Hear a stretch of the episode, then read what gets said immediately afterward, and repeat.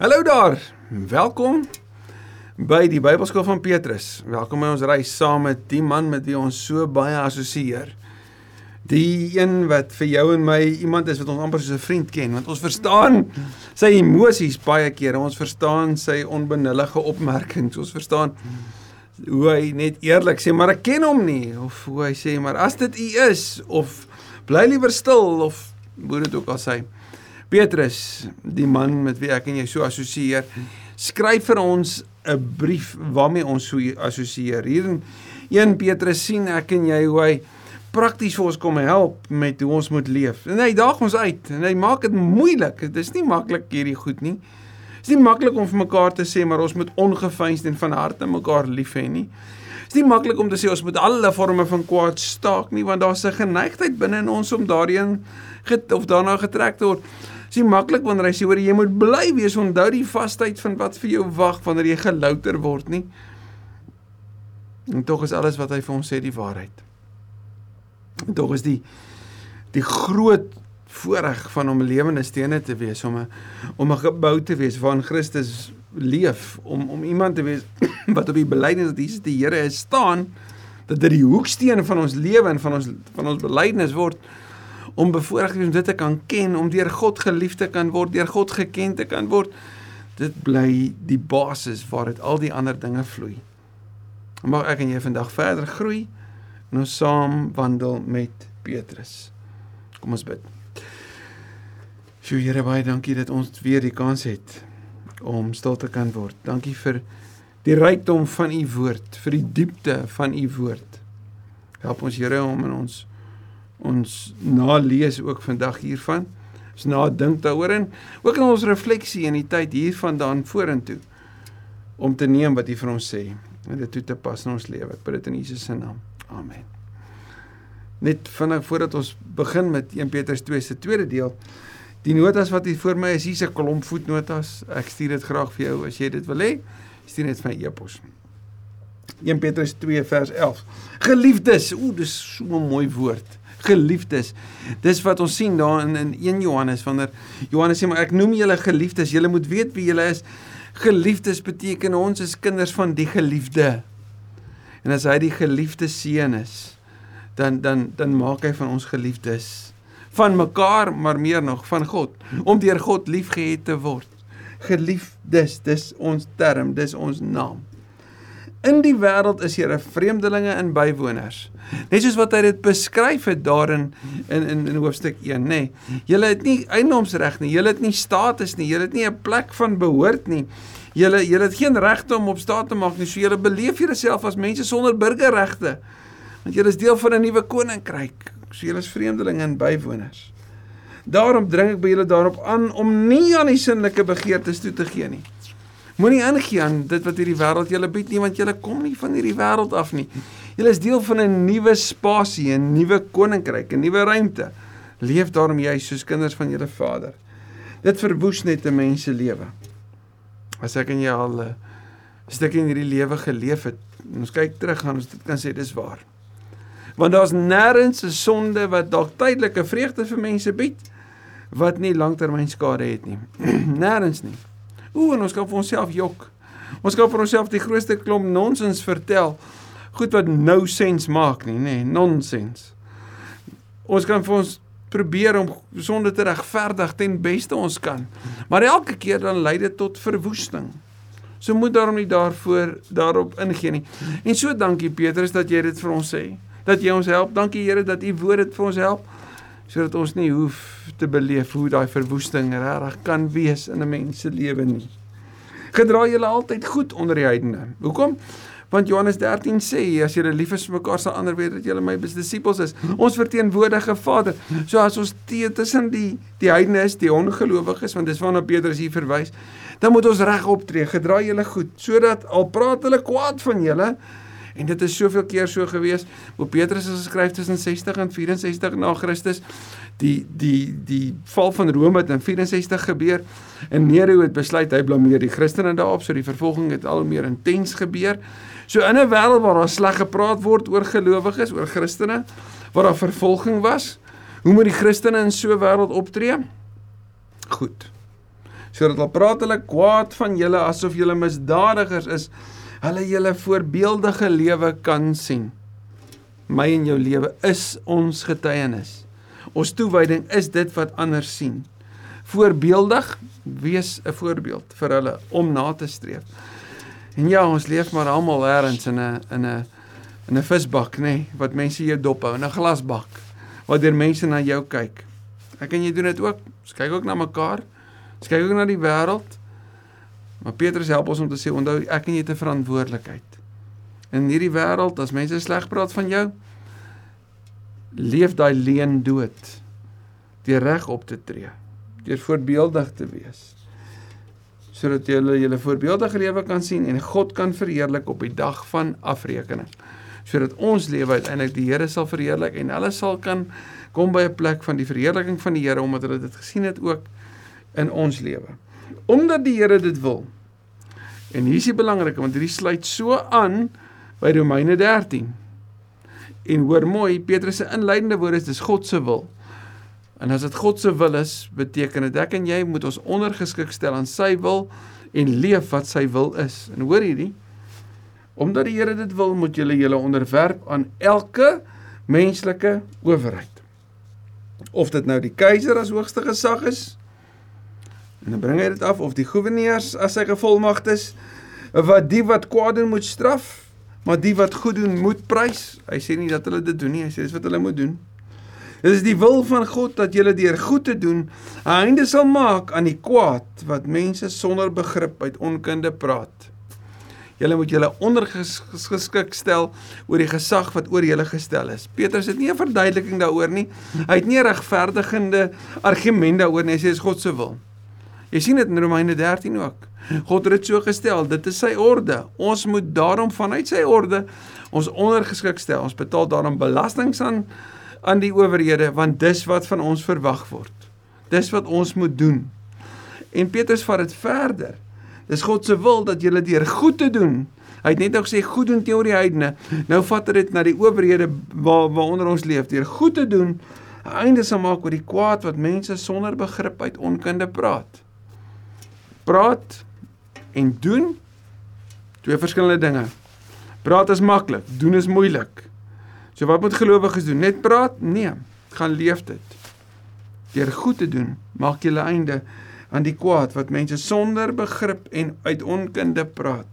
Uit die nie weet nie praat. En hoe meer ek nie weet nie, hoe makliker is ek geneig om 'n opinie te vorm. Hoe meer ek weet, hoe meer sal ek stil bly en perspektief hê en insig hê. Julle is vry. En kyk maar bietjie na Romeine 6. Paulus se groot beskrywing van hoe daai vryheid werk. Julle is vry, maar moenie julle vryheid gebruik as dekmantel om kwaad te doen nie. Gebruik dit om God te dien. Vry van die sonde, vry van die mag van sonde, vry vry van die slawerny aan sonde. Vrygekoop, nuut gemaak, skoon gewas, ewige burgers van die koninkryk. Moet dit nie gebruik om sonde te doen nie. Moenie dit gebruik as 'n verskoning om te sê maar ek is in elk geval vergewe. Ek is in elk geval deel van die wet van van van die ewige koninkryk van God. Daarom kan ek maar maak net as ek wil nie. Nee, nee, nee, nee, nee. Hoe vry is ek? So vry soos vis in die water. So moet dit nie gebruik om kwaad te doen nie. Nee, wat moet ek doen in my vryheid? Ek moet juis my vryheid gebruik om nie toe te gee aan die sinnelike begeertes nie, maar om God te dien. Hoe dien ek God? Deur goed te leef en goed te doen aan ander. So dien ek hom ook in my werksplek. Julle moet alle mense respekteer. Hou vas. Ek weet hoe moeilik is hierdie. Want ek sukkel ook hiermee. Want daar's sommige wat ons voel nie ons respek werd is nie, nê? Daar's sommige wat ons voel ek wil nie eers mooi met jou praat nie. Die manier hoe jy praat of hoe jy optree of wat jy doen walg my. Want dit is verskriklik dat iemand so aan teenoor ander kan maak en so met hulle kan weet praat of teenoor hulle kan optree. Maar Paulus, ag Petrus sê vir ons, julle moet alle mense met respek behandel. Julle moet almal respekteer. Alle mense En en die mooi hiervan as jy nou dink oor die oor die oor die geloofsgemeenskap met al hierdie verskillende hiërargieë wat skielik deel word van een familie, ek en jy gaan die uitdaging daarvan 1 Korintiërs 11 sien. Daar daar's slaaf en vry, daar's man en vrou, daar's eienaar en en en en een wat wat vir hom moet werk en en onderdaan. Daar daar's daar's ouers en kinders. Almal saam in hierdie een groepering van van mense, hierdie een familie van God. En hoe moet ons met mekaar hier maak? Wel hier is ons almal gelyk. Hier hoor ons dit gaan nie oor of jy slaaf of vry, Griek of Jood, man of vrou is nie. Hier is Christus alles en in almal. Dis die basis. En daarom moet ons almal hier met respek behandel. En julle medegelowiges moet julle lief hê. Johannes 13 wat hier waar word. Vrees God, eer die keiser. Uit julle heilige eerbied vir die Here moet julle die keiser eer. Dis dieselfde voorbeeld wat ons sien in Efesiërs 5. Uit jou eerbied vir die Here moet julle by die huis aan mekaar onderdanig wees. En hier in die publieke sfeer vrees God en uit jou vrees en eer aan die Here eer die keiser. Bediendes, nou vat hy dit verder vanaf die die staat na die werkplek toe. Bediendes. Onderwerp julle met die nodige onsag aan julle werkgewers. Onsag die nodige erkenning van hulle posisie. So daarvoor het jy nodig om jouself ondergeskik te stel. Die woord ondergeskik is hipotasso. Dit beskryf die gesindheid van gelowiges. Dis om die lewe te leef met 'n voorskot. En dit sê ek is hier om te dien, né? Nee? Beywer julle met die nodige onsag aan julle werkgewers of hulle nou goedhartig en vriendelik is of onredelik. Hulle optrede, hulle styl, hulle manier van doen moet nie jou vlak van onsag en eer wat jy bring aan hulle bepaal nie. Want dit gaan nie oor hulle nie. Gaan oor die Here, die eer wat jy aan hom bring, wat maak dit vanuit jou liefde en eer aan hom dat jy ander sal eer en onsag vir hulle sal hê. Dit is genade as iemand die pyn van onverdiende lyding verduur omdat hy aan God getrou wil wees. Hoekom is dit genade as jy swaar kry? Nee, dis genade dat jy vasbyt. Want hoe kry jy dit reg? Veral onverdiende lyding, veral onverdiende lyding in die werkplek. As jy kan vasbyt, dan wys dit juist daardeur wie God is. Dit wys hoeveel hy omgee. Dit wys hoe waar die evangelie is. En sien in die moeilikste omstandighede word die evangelie se waarde al hoe meer duidelik. Ek en jy glo dit wat deur die smeltkroes van swaar kry gegaan het. Ons ons vat dit. Iets wat maklik is, ons glo nie daarin nie. Dit nie vir ons waarde nie, ons vergeet daarvan. Wat is die stories van die mense wat jou en my ons harte aangryp? Die stories van hulle wat vasgebyt het. Ek vat een voorbeeld, Corrie ten Boom. Hoe sy en haar gesin swaar gekry het, sy en haar sussie wat in Auschwitz so gelei het. En tog praat sy met soveel liefde oor vergifnis oor oor wie Jesus is, oor die evangelie. En ons ons stuur haar haar boodskappe en haar haar one-liners stuur ons die wêreld in. Hoekom glo ons dit? Want sy het deur swaar kry gewys hoe waar die evangelie en hoe mooi vergifnis is. Dis genade as iemand die pyn van onverdiende lyding verduur omdat hy aan God getrou wil wees. So ek's bereid om die onverdiende lyding te vat. Want my getrouheid aan God staan bo verdenking altyd. As jy gestraf word wanneer jy oortree, watter verdienste is daar daarin as jy dit verdra?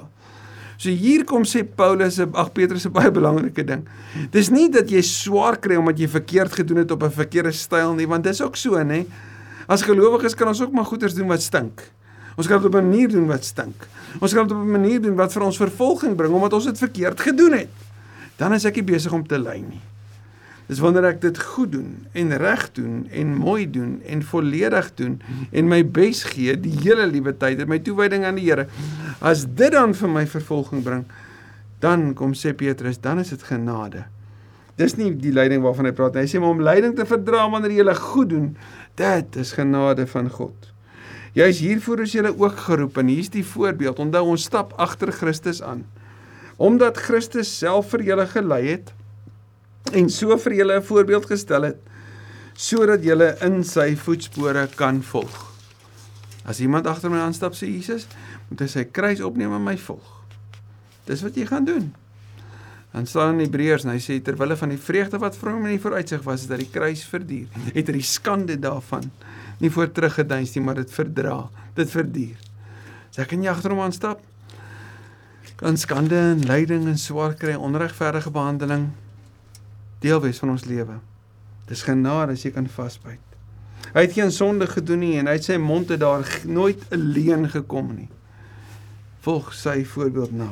Toe hy beledig was, het hy nie terugbeledig nie. En hier haal Petrus tekste ook aan wat so bekend is, nie net in Jesus se lewe nie, maar dit kom met die vertelling van die Messias wat sou kom. Kyk maar Jesaja 53 byvoorbeeld. Toe hy gelei het hy nie gedreig nie, maar alles oorgelaat aan hom wat regverdig oordeel. Hy het nie self wraak geneem nie, nê? Hy het self ons sondes in sy liggaam aan die kruis gedra. En hier is die belangrik as hy ons gedra het, as hy in my plek kom kom sterf het en in my plek die swaar kry gedra het, dan kan ek dit as 'n voorreg beskou en dis hoe die gelowiges dit gedoen het ook en hoe hulle dit vandag ook doen vir al die vervolgde lande. Dit is 'n voorreg beskou wanneer ek ly ter wille van my belydenis dat Jesus die Here is. Dat ek vir hom kan ly was 'n groot voorreg vir die gelowiges vir die mense soos Polycarpus waarvan ons al gehoor het en al die ander van sy tyd.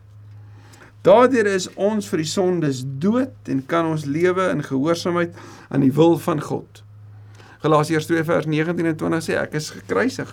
Ek lewe nie meer nie en as ek gesterf het en Christus leef in my dan word Johannes 3:30 waar. Hy moet meer word en ek minder. As hy binne in my is dan leef ek sy lewe na. En as ek daarom dit aan my lyf voel omdat ek agter hom aanstap, wel dan lyk my rug dalk soos 'n Paulus, soos 'n padkaart. Maar dit getuig vir hierdie wêreld van die mooi van die evangelie. En ons doen dit ook by die werkplek, so skryf Petrus dit vir die bediendes. Deur sy wonde is julle genees. Julle het immer so skape rondgedwaal, maar nou het julle teruggekom na hom toe, die herder en die bewaker van julle lewe. Hy is die goeie herder wat sy lewe aflê vir sy skape, sê Johannes 10. Hy's die goeie herder wat ons deur die dal van doodskaduwee lei. Hy's die bewaker van ons lewe. Hy hou toesig daaroor en as hy die bewaker is, dan kan niemand dit wegvat nie. En ons sal vir altyd by hom wees, soos die moederskoot waarvan Psalm 139 as beeld ook praat. Dat ek nêrens heen kan gaan waar hy nie is nie, dat hy my omsluit van alle kante.